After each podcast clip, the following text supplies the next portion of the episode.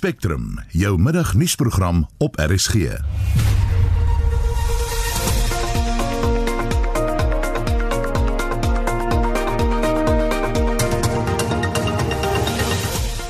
In die program die ANC se twee prominente op sy staan rebelle, die sekretaris-generaal Ys Magashule en die voormalige partyleier in Noordwes Supra Mamapelo trek heelwat aandag. Ons hoor binnekort of hier 'n vennootskap aan die broei is. President Cyril Ramaphosa ontvang heelwat lof vir sy besluit om voor die Zondo-kommissie te verskyn, maar behoort dit nie van selfsprekend te wees nie is die vraag. En dag 0 sluip nader vir inwoners van Kwebega in die Oos-Kaap. Die span in die ateljee vanmiddag is redakteur Marlenae Forsie, produksieregisseur Evert Snyman en ek is Susan Paxton. So by gans 5 minute oor 12 jy luister na Spectrum. Die ANC se twee prominente op sy staan rebelle, die sekretaris-generaal Ys Magashule en die voormalige partyleier in Noordwes Supra Mamapelo, beplan om môre saam met Magashule se ANC tak in Parys in die Vrystaat op te tree. Dit is in weerwil van Mamapelo se 5 jaar skorsing en te midde van onsekerheid oor of Magashule vandag sy pos gaan ontruim. Mamapelo wat geskort is en die waarnemende sekretaris van die ANC Vroueliga in die provinsie, Bitsa Lenkopani, is aan wangedrag skuldig bevind.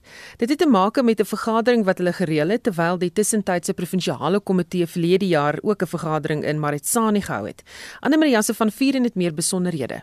Tydens 'n eksklusiewe onderhoud met die SAIK het Mahuma Pello gesê dat hy sy skorsing gaan appeleer. In terms of the constitution of the ANC, as soon as you lodge your appeal, then status quo uh, remains. It means um, this, the decision of the PDC is in suspense until the National Disciplinary Committee concludes this particular matter. So, in short, uh, it means I'm a member of the ANC in good stand, standing in terms of the Constitution.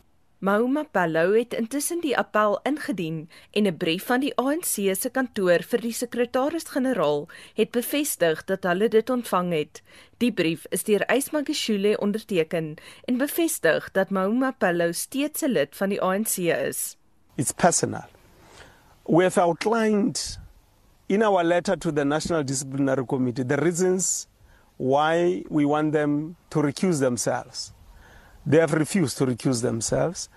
So the reasons there will demonstrate to you why some of them have got issues that are personal uh, with me and why I thought there will be reasonable apprehension of bias uh, from their side. And here it is confirmed the decision they took is draconian. Uh, they didn't engage uh, politically. Die tussentydse provinsiale komitee beskuldig Mauma Pello daarvan dat hy die eenheidsgevoel binne die ANC in die wiele ry. Maar hy sê weer dat lede van hierdie komitee 'n wrok teen hom koester. Hy sê dieselfde mense sou wou sien dat hy uit die party geskort word. Now there's polarization of members of the ANC in the province. So um, I hope that National will look at the conduct of the IPC and some individuals within the IPC because I've got evidence which I'm going to show to the National Disciplinary Committee. A WhatsApp group which is called Tumamina. One of the people there who is at the provincial office working in Tomani Chauke's office. In 2018-19, they had already written there that I must be expelled from the ANC. And now they come in the form of the DC to now execute what they've been writing in their own WhatsApp group. Dit was die voormalige voorsitter van die ANC in Noordwes, Supramau Mapello, die verslag van Lessibana Matlala en ek van Unisa. Goeiemôre Dirk. Goeiemôre Susan. Wat verwag jy gaan vandag gebeur die laaste dag van die 30 dae grasieperiode vir ANC eh, kaders wat op ernstige aanklagte tereg staan? Ongelukkig gaan daar niks gebeur nie. Ehm um, wat die die aankondiging van die ANC is is dat hulle gaan maandag hulle nasionale werkskomitee kom dan bymekaar, dan gaan hulle al die verskillende lyste van persone wat geïdentifiseer is en en hoe hulle daarop gereageer het op hierdie grasieperiode vir hulle om en dit dan daardeur te gaan. En uh, en dan later in die week gaan die nasionale uitvoerende komitee bymekaar kom um, met 'n gewone vergadering van hulle en dit sal waarskynlik um, ehm, daar ter sprake kom. My vermoede is is dat hulle die die probleemgevalle gaan hulle na die dissiplinêre uh, komitee toe verwys sodat die dissiplinêre komitee die die die die besluit wat hulle in beginsel reeds geneem het dat die mense wat dit nie aanvaar het nie uh, geskort moet word om dit dan 'n amptelike besluit daarvan te maak. So jy sê Magashule en Mamopelo is besig om 'n ANC vennootskap te vestig. Hulle het dit gehad. Hulle was die twee van die drie figure in die Premiersliga gewees. Um en daardie verhouding in 'n groot mate bestaan nog steeds, maar nou nie meer in die vorm van dat hulle in die posisies van premiers is nie. Maar behalwe nou vir David Mabuza wat die adjunkt president is, dink ek probeer hulle nou in 'n sekere sin om daardie groepering weer op op sy voete te kry. So daar's daar's 'n baie ou, dit gaan terug na voor 2017 toe uh, wat hierdie verhouding bestaan het. So ek dink dis dis in 'n sekere sin is dit 'n mate van 'n herlewing of 'n heraktivering daarvan. Het Magashule steeds die magte ten spyte van sy eie posisie binne die party om vir Mamopelo toestemming te gee om teen sy skorsing te appeleer? Ek nie toestemming nie. Ehm um, ek dink wat hier plaasvind is dat Mamopelo dit in wel in, in sy eie reg moet doen. Ehm um, dis nie iets wat namens die sekretaris-generaal plaasvind nie. En dis in 'n sekere sin is dit 'n uitdaging van die besluit van die nasionale uitvoerende komitee want die, die tussentydse groepering is in die in die Noordwes provinsie deur die nasionale uitvoerende komitee ge, uh, gevestig daar is probleme daarmee. Ek dink ek dink nie mense moet dit stel asof dit die een kant is reg en die ander kant is verkeerd nie. Ek dink daar's daar's definitief 'n problematiese situasie daar. Ehm um, en dit sal uitgesorteer moet word. Wat beteken die bevraagtekening van die opsy staan besluit deur senior leiers vir die ANC op grondvlak? Wel, dit gaan beteken dat uh, die die gesag van die nasionale uitvoerende komitee en by implikasie die gesag van die die nasionale uh konferensie wat in 2017 en van vorige jare selfs 2012 sin dat dit in 'n groot mate uitgedaag word. Um en dis iets wat onhoudbaar is. En men dit wat president Ramaphosa van gepraat het die twee dae by die Zondo-kommissie is presies hier te sprake dat en dit is dat 'n uh, party kan nie homself heeltemal oopmaak en toelaat dat mense besluite neem in enige rigting nie daar moet 'n sentrale punt van gesag in 'n party wees en ek dink dis wat nou weer hier gaan te sprake kom. Het president Ramaphosa nog genoeg steun om die komende nasionale raadsvergadering te oorleef indien daar 'n aanslag teen sy leierskap beplan word? Ek dink nie moet sê dit nog genoeg nie. Hy het baie en hy kry net meer daarvan. Ek meen hierdie afgelope 2 dae dink ek het hy in 'n groot mate sy posisie nog meer verstewig. Hy is definitief in die dominante posisie in die ANC. Baie dankie, dit was professor Dirk Coetzee, politieke ontleder verbonde aan Unisa. 'n Politieke kommentator Max de Pre ken in een van sy meningsstukke tong in die kies 'n Oscar toe aan die ANC-leier president Cyril Ramaphosa. Dit volg op wat hy as 'n vertoning vir die Zondo-kommissie na staatskaping die afgelope 2 dae bestempel en ons praat nou met hom. Goeiemôre Max. Goeiemôre. Waarom kry die pre president soveel lof of selfs 'n Oscar van jou omdat hy vir die kommissie verskyn het? Is hy nie wettiglik verplig om dit te doen nie? Ja, ehm um, kyk uh, ek dink die die feit dat eh, dat die president die staatshoof voor die kommissie verskyn is 'n nuwe nuwe ding vir ons. Ons moet onthou dat die die die staatspresident wat eintlik vir staatskaping verantwoordelik was, weier om te kom. So dit was 'n geleentheid en ek dink uh, meneer Ramaphosa was sy nimblike self en vol grappies en en so aan. Uh, ek dink hy het baie baie met baie waardigheid opgetree. Maar as ons nou mooi moet kyk na wat hy gesê het, uh, is daar nie verskriklik baie vleis aan die been nie. Ehm um, ons moet onthou hy was van 2014 van 2012 af was hy die visiepresident van die ANC van 2014 af was hy die visiepresident van die land. Met ander woorde die ergste deel van staatskaping het op sy wagbeurt gebeur. Hy was nie net die visiepresident nie, hy was ook hoof van regeringsake in die parlement. Dis nou waar, waar die regering en die parlement met mekaar saamwerk en hy was ook hoof van die ANC se politieke komitee. Die politieke komitee is die ANC uh, eh, nasionale uitvoerende komitee se se liggaam om met die caucus in die parlement saam te werk. Met ander woorde, uh, elke keer wat daar staatskaping uh, inligting was en dit is so aan hom gebied voor by die kommissie. Max is jy nog daar? Lyk vir my ons het vir Max verloor en uh, Ons gaan nou kyk of ons uh, vir hom daar in die hande kan kry om verder te gesels oor wat gebeur het by die sondekommissie toe die president uh, daar getuig het. Intussen, in 'n veranderende werksomgewing wat die sogenaamde gig ekonomie insluit, is dit juis belangrik om Werkersdag te vier. So meen 'n sosioloog en dosent in ontwikkelingsstudies by die Universiteit van Fort Hare, professor Andrius Besidenhout. Hy het aan Anne Marie Jansen van Vieren gesê watter brandende kwessies in die arbeidsmark Suid-Afrikaners oor moet nadink tydens Werkersdag. Ek dink 'n eerste groot kwessie is die feit dat vakbonde baie vure moet doodslaan met die effek van afgelope jaar as wat hulle lone onderhandel het. En ek dink daar's ook 'n probleem dat baie van die vakbonde swakker is as wat hulle in die verlede was. Die vakbondbeweging is verdeel. Kusato het in twee geskeur. Ek dink daar's in baie gevalle 'n gebrek aan verbeelding of 'n gebrek aan vooruitkyk by vakbonde wat uh, in baie gevalle meer in politiek betrokke is as werklike kwessies wat hulle lede in die werksplek raak. En nou, hoe vind mense 'n oplossing daarvoor of wat sou jy voorstel moet gebeur om hierdie tipe kwessies op te los? Daar's 'n algemene verandering wat in die wêreldekonomie plaasvind. Dis nie net inperkings en die pandemie wat 'n effek het op wat in die werksplek gebeur nie, maar tegnologie is besig om baie vinnig te verander. En al hoe meer vind ons mense in werksgeleenthede wat nie permanent werk vir maatskappye nie, waar hulle werk in wat ons deesdae noem die gig ekonomie.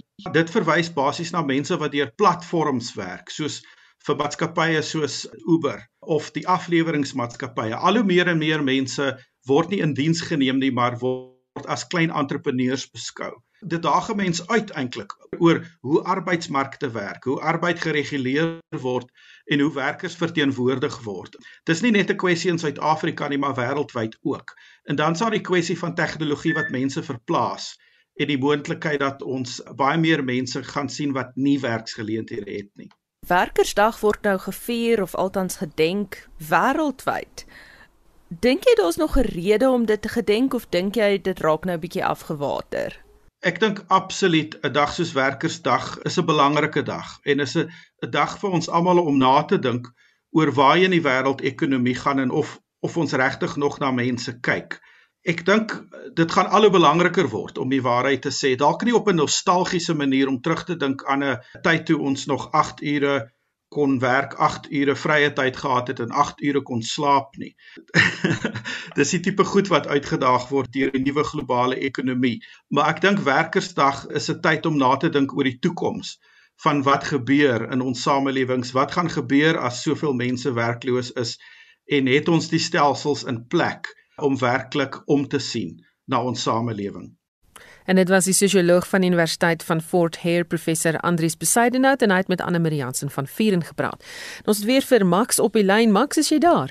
Ja, ek is hier. Goed, kom ons gesels nog oor die president. Um beteken die president se oormatige gebruik van die uitdrukking by nabetragting dat hy werklik onbewus was van wat aangaan? Ja. Ja, ek dink nie iemand het al soveel keer in een dag gesê in hindsight nie soos wat hy gister gedoen het nie. En en elke keer as hy die inligting voor hom gebring is dat daar aanduidings was van staatskaping en korrupsie en hy was die visiepresident en die, dan het hy gesê ja eh, en as ek terugkyk dan moet ek sê ons het die bal laat val. Eh, maar ons het niks verder gekom is dit nie. Net 'n erkenning. Terwyl erkenning is daarmal iets maar die vraag bly staan. Hy was die hoof van die politieke komitee wat met die parlementêre kokes van die ANC moes uh, skakel En dit is waar die bal laat val is. Hulle het geweier om staatskaping uh, te te ondersoek.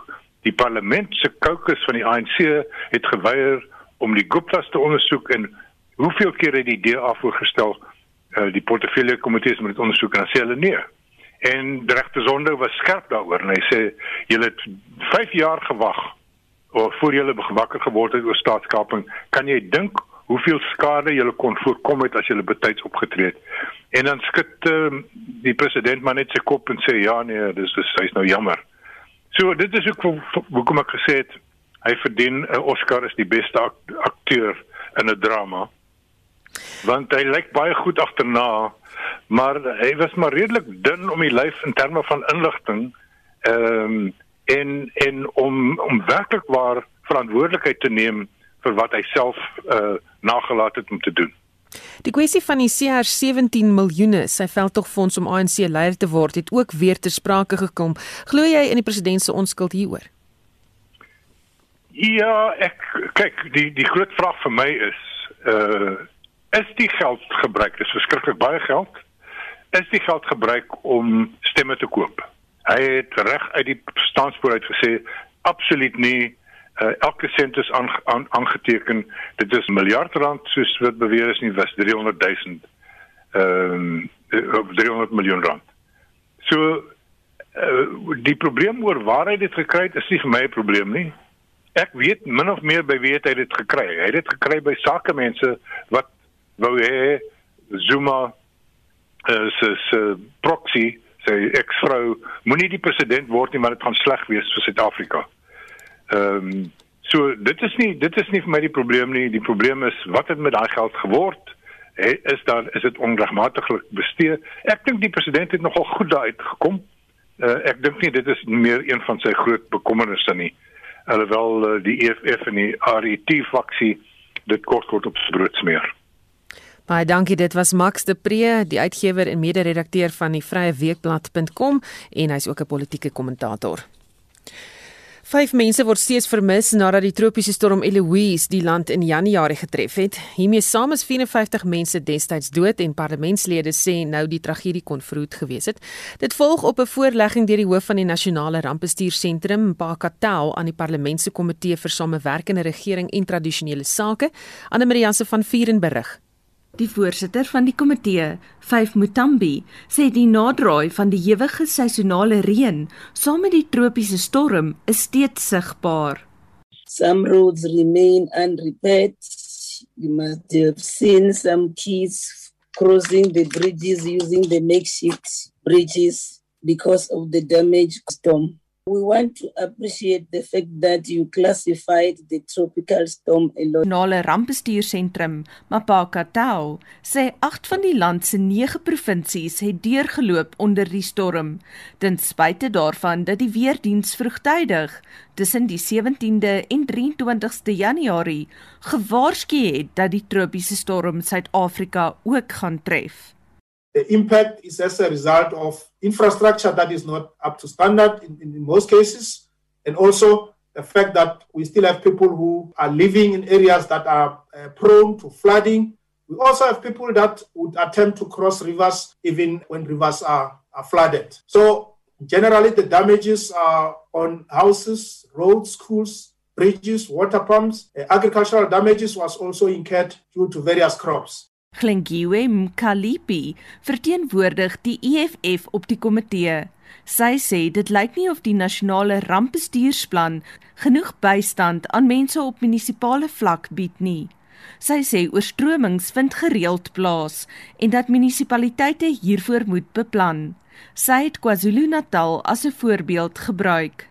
When we engage with the municipality from KZN, asking them according to what happened during the specific date where uh, Abantu they were swimming to get to their cars, they were swimming to go and get to the taxis. The municipality didn't have any clue in terms of if there is a flood that is going to be there in that area. Unless we press as a committee to say, what is your plan now going forward? Because AMA floods can come back at any time. Dit was ek is Anna Marie Jansen van Vuren vir SAK nuus. Die Suid-Afrikaanse Nasionale Weerdiens voorspel koue, sneeu en selfs oorstromings vir dele van die land die komende naweek. Die weervoorspeller Komsana Sezana sê daar het reeds sneeu geval in Lesotho en dele van die Vrystaat. It's an upper air system, so we refer to it as a rain producing system that is over that is bringing that isolated to scattered showers and thunder showers over the central and the eastern parts of the country. So we do have some moisture advection there over the southeastern areas, which is bringing an 80% chance of some showers and thunder showers over KwaZulu-Natal, as well as the extreme eastern parts of the Eastern Cape, where we have issued out a level 2 warning for flooding in places. Susanna verwag nie dat dit meer as een dag sal reën nie. So this is a very fast moving system. It's only for today. We are expecting the rainfall there over KwaZulu-Natal and the Eastern Cape. And then going into tomorrow, the system is going to move by very quickly. So there is going to be some clearing over the central interior. So from the morning, we're just going to have some showers over the northeastern provinces, that's Gauteng, Limpopo, Mpumalanga. Then from the afternoon, some clearings expected, just some isolated to scattered showers and rain along the coast of KwaZulu-Natal into the adjacent interior. We currently do have snow over the high-lying areas of Lesotho, um, as well as there along the Lesotho border into the Free State, so areas of Kwakwa. And then we are also expecting some light snowfall over the northeastern interior of the Eastern Cape. So it's those areas between Owl North, um, Berkeley East, Lady Grey. Um, at this stage, it's mostly going to be snowfall on the mountain tops, so there's nothing disruptive about today's snowfall. Sy sê die front laat temperature ook effe daal. They have dropped to cold categories, so that's between 11 and 17 degrees over the interior of the Eastern Cape, KwaZulu Natal. That's for today. Then tomorrow they'll spread to the escarpment areas of Mpumalanga. At this stage, we don't have very cold temperatures. Very cold is below 10 degrees, so everything is just still cold over the eastern parts of the country. En dit was die weervoorspeller Komsana Sezana.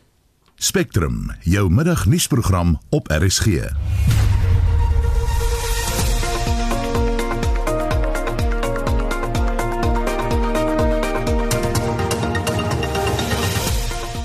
die afgelope halfuur het die uitgewer en mede-redakteur van uh, die Vrye Weekblad.com Max de Pre sy mening gelig oor die president se getuienis voor die Zondo-kommissie. En elke keer as hierdie inligting voor hom gebring is dat daar aanduidings was van staatskaping en korrupsie en hy was die visiepresident en die, dan het hy gesê ja as ek terugkyk dan moet ek sê ons het die bal laat val. Maar ons het niks verder gekom is dit nie. Net 'n erkenning. Terwyl dit erken En 'n groot aantal see-duikers of kommerante is weer hervestig op Robben Eiland dit nadat die kuikens in Januarie deur die Suid-Afrikaanse Stichting vir Bedreigde Kusvoëls gered is. Those birds came in in really bad condition. Some were really small. Um, they had been dehydrated. They'd been exposed to the sun, to the cold. Um, but the ones over over 1,200 that actually pulled through, um, they've been growing nicely here at the centre, and we've by now released almost 800 of them back into the wild. Bly ingeskakel. Daar is geen verkeer. In Kaapstad is die verkeer baie druk op die N3 Noord of die M3 Noord. Dis nou tussen die M155 en Universiteit. Dan hier in Gauteng in Pretoria of Centurion eerder vermy Rabie en Entstrate as gevolg van die laagwaterbrug wat oorstroom het. En dit is jou verkeersnuus. Van verkeersnuus na die golfbaan Pieter van der Berg hou die Kaapstad oop golftoernooi vir ons dop. Goeiemôre Pieter. Maar dan sê Susan, ja, dit gaan so 'n bietjie beter met die Suid-Afrikaners, maar uh, vroeër vandag was dit Jung Wing Ko, hy's uh, tans op die 17de puitjie wat 'n groot aanslag gemaak het op die uh, baanrekord hier van 62 wat in 2015 uh, deur Andrew Georgiou daar gestel is. Um, hy was in een stadium was hy 900 vir die uh, ronde gewees. Ek sien hy teruggeval na 800 toe, so sê hy twee puitjies oor om te speel, maar uh, hy is die voorloper in die toernooi. Hy's op 900 syfer en uh, Ko is van Frankryk. Dan Daniel Hiller van New Zealand, hy is in die tweede plek op 800 en dan is daar 'n gaping van 2 houe voordat ons by die manne op 600 kom en dit sluit in uh, die Spanjaard Santiago Daru asook Freddy Scott. Dario is van Spanje en Scott is 'n Duitser en dan sien ons daar's Jacques Blau. Hy is dan soos ons praat, is hy op die bof, die eerste bof om sy ronde te begin, sy tweede ronde en hy's op 600. Hy was natuurlik die alleen voorloper na die eerste ronde gewees. Jon Germes hy's en JC Ritchie Hulle is daar op 500 syfer twee Suid-Afrikaners en dit beteken dat in die top 10 spelers is daar net 3 Suid-Afrikaners. So dit gaan bietjie bietjie uh, beter met die manne. Hulle is nader aan die aan die voorste man, maar uh, vroeër vandag was daar 'n groot gaping geweest. So sê hulle het so bietjie nader gekruip. Kom ons beweeg dan uh, na die Tenerife Ope daar in Spanje en daar is dit 'n uh, uh, uitstekende 1200 syfer wat deur uh, twee manne uh, gedeel word daar aan die bopunt van die voorroepersbord dis um, Nikolai van Dillinghausen van Duitsland en Scott Hend. En uh, hulle is beide op uh, 1200 syfer Hend het 'n uitstekende ronde van 700 tot dusver vir sy ronde en hy speel tans die 14de puitjie goeie nuus daar vir Suid-Afrika. Dean Bumester hy is op 1100 syfer net een nou agter daar die twee voorlopers en hy's 300 vir die dag. Hy speel tans die 12de puitjie Wat die ander Suid-Afrikaners aan betref, is Zander Lombard, hy is tans op 700 en Derek Higu, hy moet nog sy natuurlik sy ronde begin. Hy het verlede week daardie toernooi gewen in Europa en hy's op 800, so hy's net 4 agter daardie voorlopers. Kom ons beweeg na die FSA se toernooi Dit is die Walspar Kampioenskap. Keegan Bradley na die eerste ronde is die alleen voorloper op 700 syfer is twee beter as Emiliano Greu en Ryan Moore. En dan wat vroue golf aan betref, die Joburg Ope het bietjie laat begin vanoggend hier om 20 voor 10 se kant en daar is goeie nuus vir Suid-Afrika, Cassandra Hall en Lee Ann Pace, die alleen voorlopers op 1 oor syfer en uh, die dametjie wat alleen voorgeloop het in stadium, Maiken Bean Paulsen van Noorwe, sy's nou op 2 oor syfer nadat sy sopas op die 6de en 7de voor uh, um, hou aan syfer afgestaan het. En dan wat die laaste toernooi betref, is die LPGA se toernooi daar in Singapore, dis die wêreldkampioenskap en na ronde 1 is dit ehm um, verskoning na ronde 2 is dit Hin Yong Park en Inbi Park die twee Koreane wat gesamentlik voor is op 11 onder syfer. Die besgeplaaste Suid-Afrikaner daar is in eh, die 61ste plek en uh, dit is Ashley Bohai. Sy is op 4 oor syfer. Dis eers eers die golfnuus. Ons gesels 'n bietjie later in 360 en daarmee Susan terug na jou in die ateljee. Baie dankie. Dit was Pieter van der Berg met die jongste gebeure by die Kaapstad Ope en die ander golf.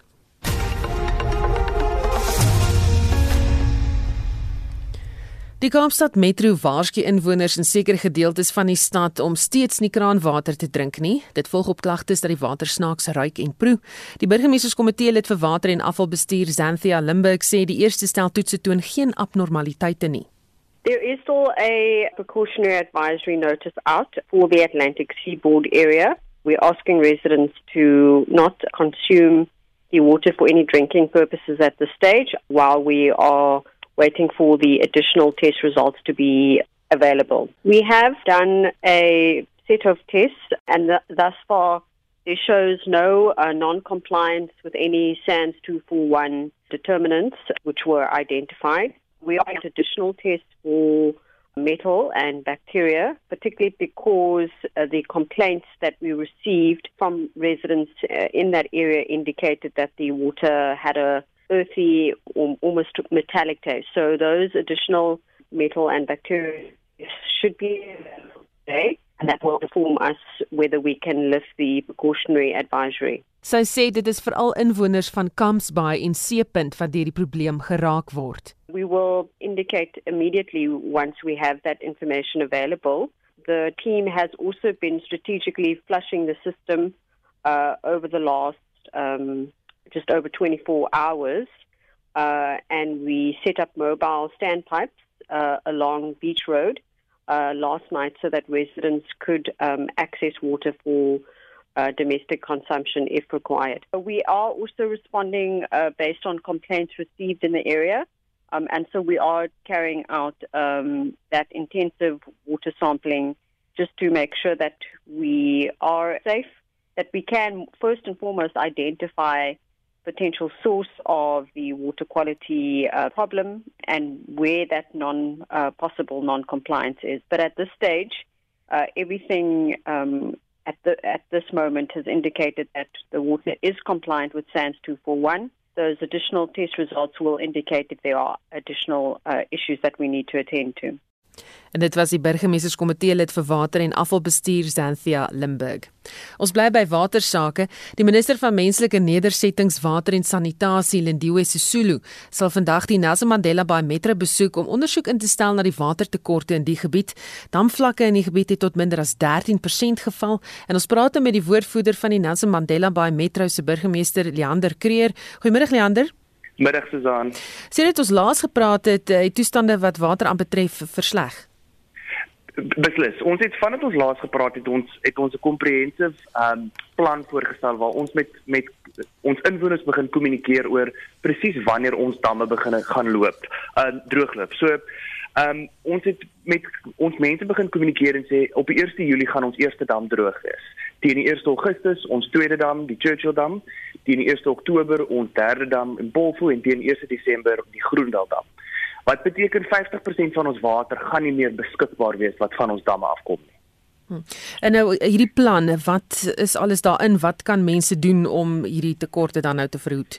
Jy sien ons het ons het korttermynplanne wat in werking gaan tree. Ons het middeltermyn en langtermyn. Die korttermyn is dat ehm um, ons gaan begin met die waterlekkasies. Dis die belangrikste vir ons as 'n stad. Ons het ook dan um, ons nooit gedag skema wat water sal verskaf aan ons stad. En ons het ook dan uh, langer termyn projekte soos boorgate wat wat um, in werking gaan tree. Wat wil jy hê moet die minister vandag sien en wat verwag julle van haar? Ons die minister kom vandag om die nasionale regering se hulp en bystand te kom lewer vir ons. Dit is vir ons baie belangrik dat ehm um, ons hierdie hulpbronne en en en wat sy as die as die nasionale regering kan bring vir ons as die stad. Want dis 'n probleem wat nie net die stad affekteer nie, dit affekteer die ons hele streek. So ons het al die hulp nodig wat ons kan kry. Baie dankie, dit was die woordvoerder van die Nelson Mandela Bay Metro burgemeester Leander Kreur. 'n Groot aantal see-duikers of kommerante is weer hervestig op Robben Eiland, dit nadat die kuikens in Januarie deur die Suid-Afrikaanse Stichting van Bedreigde Kus, Kusvoëls gered is. Die kuikens se ouers het hulle net daar op die eiland gelos. Dr Kata Ludinia van Sankop sê hulle kon meeste van die voëls red. So, from the two, over 2,000 birds that we admitted in January, um, we've lost quite a few in the first week or two, which was to be expected because those birds came in in really bad condition. Some were really small. Um, they had been dehydrated. They'd been exposed to the sun, to the cold. Um, but the ones over over 1,200 that actually pulled through, um, they've been growing nicely here at the centre, and we've by now released almost 800 of them back into the wild. Ludinia sê die vermoede bestaan die tragedie het gebeur as gevolg van 'n voedseltekort. So in um, January, we were alerted by our seabird ranger that we have based on Robin Island that he was observing a mass abandonment. So the parents that were actually sitting on with small chicks um, decided to leave the island. And at first, we thought it was because of the heat. It was very hot days, um, but that would usually mean the birds would return in the evening when it gets colder after they've cooled down at the at the ocean. But they didn't. Um, so we suspect that there was not enough fish around at the moment, at that moment, uh, for the birds to actually feed themselves and sustain their their chicks. So they basically decided to save their own lives and and abandon their chicks.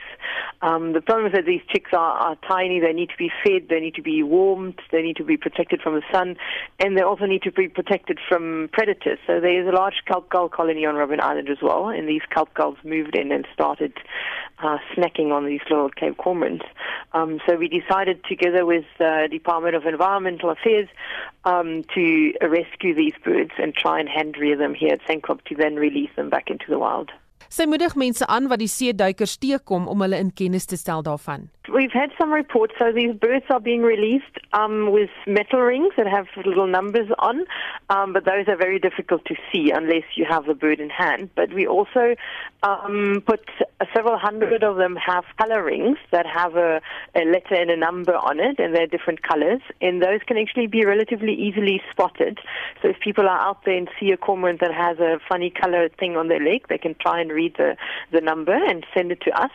Um, and we've rep- had reports back from as far as Saldana Bay, north of Saldana Bay, and east of Cape Agulhas. So these birds have moved wide and far, which is normal for Cape Cormorants. Uh, we've obviously had a few birds that have died, um, which is also normal because these these young birds um, really first need to kind of find their way, find enough food. Um, so the first year in, in any seabird's life is always the most difficult one.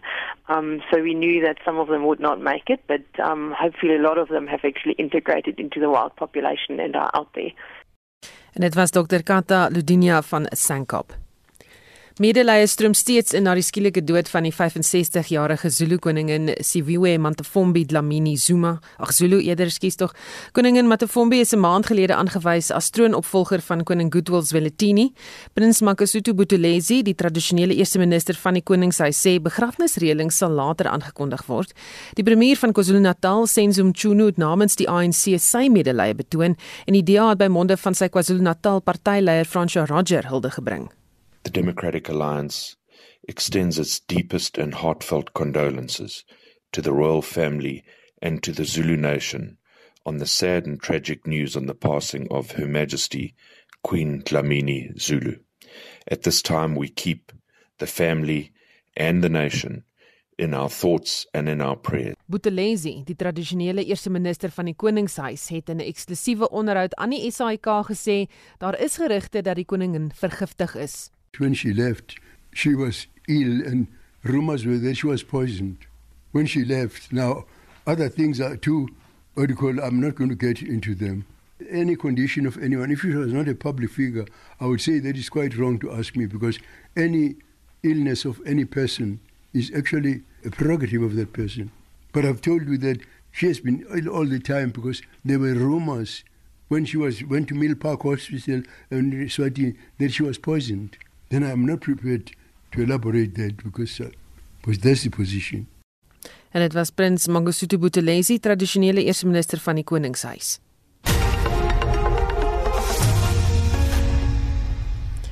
Die Suid-Afrikaanse Reserwebank sê alle nuwe en die hernuwings van debietorders sal vanaf Mei eers goedgekeur word deur die Debit Check program. Die program is in 2018 gedeeltelik begin om debietaftrekorder korrupsie te keer. Die Reserwebank hoop dat die program veral klein ongemagtigde debietaftrekorders sal stopsit. Die aftrekorders is gewoonlik 'n bedrag van minder as R100 en mense sukkel veral om die aftrekorders te stop of omgekeer te kry as dit wel afgetrek word. En ons praat nou met Karla Oberholse van DebtSafe. Goeiemôre Karla. Goeiemiddag Susan en baie dankie. Sê vir my, veroorsaak die spesifieke tipe aftrekkings op mense se rekeninge, die kleintjies wat minder is as R100 baie moeilikheid? Ja, Susan, dit dit gebeur eintlik meer gereeld as wat mens dink. En ek ek is self skuldig daaraan. Ek kyk nie gereeld na my bankstaatjie, so dit is moontlik al dalk met my gebeur en ek weet nie eers daarvan nie. So ja, dit gebeur eintlik meer gereeld as wat ons dink en die banke het saamgewerk met die Reserwebank asook die betalingsassosiasie van Suid-Afrika juis om te kyk wat kan help om die debietorder ehm um, bedrog te voorkom. Kan dit mense in skuld dompel?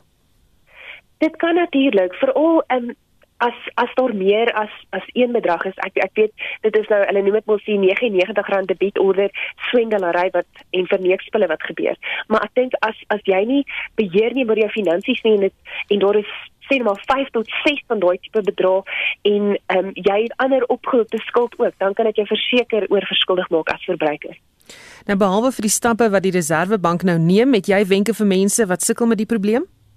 Ja, Susan, ek dink dit is baie belangrik dat mense buiten um, as hulle nou gesluis is of geflink is deur hierdie tipe ehm um, ding wat gebeur, um, kyk na jou bankstate, jy gaan dit gereeld na en kyk um, watter onreëlmatighede daar is. Ehm um, moet asseblief nie persoonlike inligting of bankbesonder deel as jy nie weet vir wie en wat dit is nie en maak seker dat jy jou bank se nuutste ehm um, dat hulle jou kontaknommer het en jou inligting het en um, indien dit met jou gebeur het en jy wil dit aanspreek, kom in kontak met jou bank eerstens en laat weet die betalingsstelsel bestuursliggaam.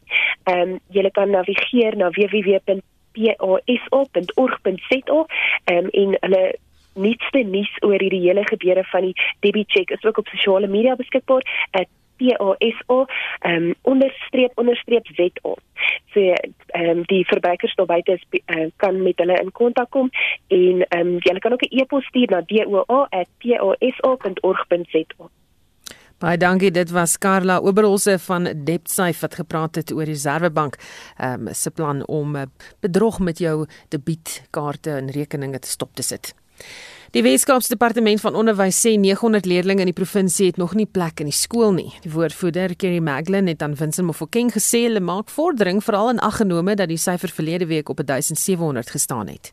Monitor het verlede week berig dat die Wes-Kaapse Departement van Onderwys meer as 1700 kinders nog in skole moet plaas.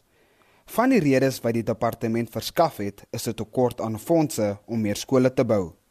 Volgens die woordvoerder, Kelly Maglin, maak hulle vordering met die plasings. The number of learners registered as unplaced in the Western Cape for the 2021 school year now stands at 949. That's down from over 1,700 learners as reported last week.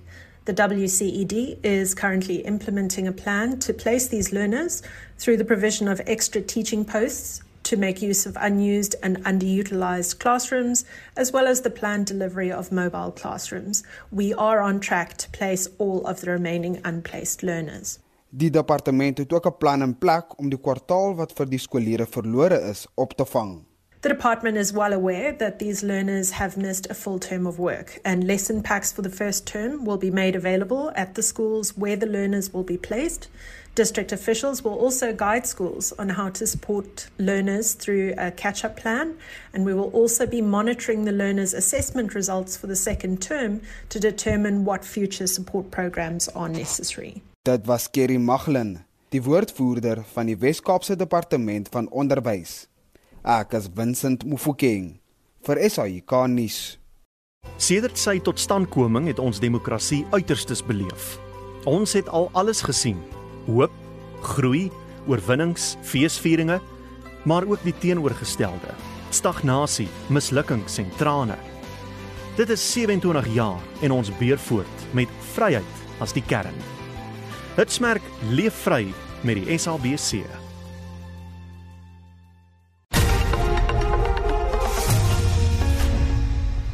Dit is presies 10 minute voor 1 jy luister na Spectrum. Die voormalige groepshoof van Transnet, Siyabonga Gama, sit vandag sy getuienis vir die Sonderkommissie na staatskaping voort. Soos gister hou Hendrik Weingart sake vir ons dop. Hein, wat het gebeur? Soos aan die sitting so vanoggend om 10:00 lyk met daar's my mikrofoon nou aan. Die sitting so vanoggend om 10:00 begin maar toe eers om 11:00 in aanvang geneem. Dit is nou hoofsaaklik gekenmerk deur ontkennings tot nou deur Gama op vrae van die getuienisleier advokaat Anton Meiburg. Gama was vroeër die week ook voor die kommissie. Hy is een van die persone wat bevoordeel sou word deur die Gupta broers se beweerde invloed in die aanstelling van kabinetslede en hoofde van staatsinstellings soos Transnet gedurende die termyn van oud-president Jacob Zuma. Hy ontken dat hy op die wyse of deur die inmenging van die Gupta geïmpliseerde oud-minister Malusi Gigaba in die pos aangestel is. Hy dring daarop aan dat dit op meriete was. Nou waarom draai die spil van sy getuienis dan nou vandag? Die eerste deel van die dag se verrigtinge het gefokus op 'n besoek wat Gama in Januarie 2016 aan Dubai gebring het en waar hy die Gupta vernoot Salim Essa ontmoet het. Gama het maandag aan die kommissie gesê die doel van sy besoek was doodgewoon om vir sy dogter 'n matriekafskeidrok te koop. Hier is klankgrepe uit sy getuienis vanoggend waar tydens hy die getuienisleier advokaat Meiburg oor Gupta maatskappye en die vloei van geld uitgevra is. Mr Essa was paid 50% of all the fees of regiments, with laundry payments then having been made to Gupta companies. You want to comment on that? No, I'm, I'm not privy to the report. Uh, I haven't seen it. I don't know anything about it. Then, what the money flows investigation has revealed, and other investigation, is that Mr. Essa was involved in the conclusion of a number of so called BDSAs, Business Development Services Agreements. Essentially, you would get a commission for brokering a deal. Ecomotives, that had a contract value, as you know, of 18 billion rand. Is that correct? Mm, I, ca- I can't remember what the CSR uh, contract was. And the agreement provides for Tequesta, which was the the company that Mr. Esser was involved in receiving a 21% commission. Investigation has also revealed that Mr. Esser concluded a number of these agreements, including another one with CNR in respect of the 232 diesel locomotives were part of the 1064 transaction where the contract value was 9.9 billion. So he had more than half of the 1064 locomotives covered by these so-called BDSAs. You know anything about that? No. Nou ja, die verslag is saamgestel deur Heinrich Weingart wat vir ons die verrigtinge by die Sonderkommissie dophou. Leon van Nero berig uit die vermaaklikheidsindustrie oor Tom Cruise in The Fast and the Furious. Ek het verlede week gepraat van Tom Cruise, wie se jongste Mission Impossible film nommer 7 einde November uitgereik gaan word en dat daar in Noorwe. Daar's ook nie 'n einde aan die man nie. Hy sê as die COVID-pandemie verby is, gaan die wêreld weer 'n roaring 20s era ingaan en een groot partytjie na die ander hou. Dankie vir jou positiwiteit Tommy, ons het dit nodig. Die naam Rudin is nie so bekend nie, maar hy is die jongste vervaardiger om van brutale swak gedrag op stelle beskuldig te word. Hy het films soos No Country for Old Men en The Social Network vervaardig. Mense wat saam met Rudin gewerk het, het gepraat van sy hysteriese uitbarstings en dodelike humeur. Hy het 'n rekenaarmonitor glo op sy assistent se hand gebreek toe die nie vir hom 'n sitplek op 'n uitverkoopte vlug kon kry nie. Hollywood noem hom die mees gevreesde man in die vermaaklikheidsindustrie. Wreedheid en intimidasie het by hom geseëvier. Van sy films het 151 Oscar-benoemings gekry en 23 het gewen. Rodin se onbeskofte optrede is nou nou bekend is deel van Hollywood se skoonmaakproses van mense wat die industrie skade aandoen op persoonlike vlak met hul brutale optrede. Hy gaan skynbaar nou die film en teaterindustrie verlaat. Dan gons almal se monde oor die jongste Conjuring fliek Conjuring the Devil Made Me Do It wat op die waarheid gegrond is waar 'n moordenaar aangevoer het dat die duiwel hom die moorde soos in die film uitgebeeld word laat pleeg het. Dit open op 4 Junie hier by ons in teaters. Vandag begin Jason Statham se Wrath of Man in teaters. Het julle geweet dat hy eers 'n model was en handel op die swartmark gedryf het voordat hy 'n rol in Lock, Stock and Two Smoking Barrels gekry het?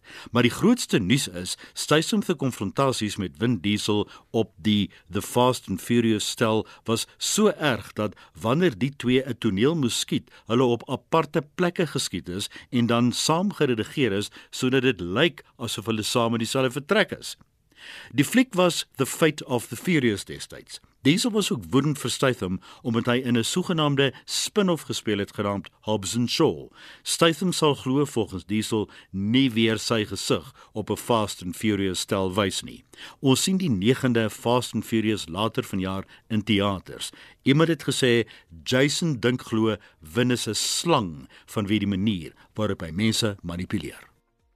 En dit was Leon van Nierop, Anne Marie Jansen van Vier en som vir ons die nuus van die dag op Anne Marie. Ja, Susan, ons het vroeër in Spectrum berig dat die politieke kommentator Max de Pre sê dat die ANC nie al hande in onskuld kan was oor staatskaping nie. Volgens hom kan baie skade verhoed geword het as die party betyds opgetree het. Daarom sê de Pre, president Ramaphosa kan eintlik 'n Lyk like vir my ons het daar vir Anne Marie verloor en sy het gepraat oor stories vroeër waar ons gepraat het uh, oor Ramaphosa se president wat vir die staatskapingskommissie gepraat het. En nog 'n storie wat ons opvolg is die DEA se skare minister van gesondheid Siviwe Karube se toesig inspeksie by twee van die plekke waar enstowwe toegedien gaan word, die JP kliniek en die Alexandra gemeenskapsgesondheidssentrum. En uh, die DEA se lid vir die uitvoerende komitee van gesondheid Jack Bloem vergesel Karube tydens hierdie besoek vandag en jy gaan môre in naweek aktueel tussen 12 en 1 daarna kan luister. Ons groet dames soos waarnemende uitvoerder geseer Hendrik Martin, ons redakteur vandag Marlene Forsie en ons produksieregisseur Evert Snyman. Ek is Susan Paxton. Geniet jou middag en bly geskakel vir 360 net hierna.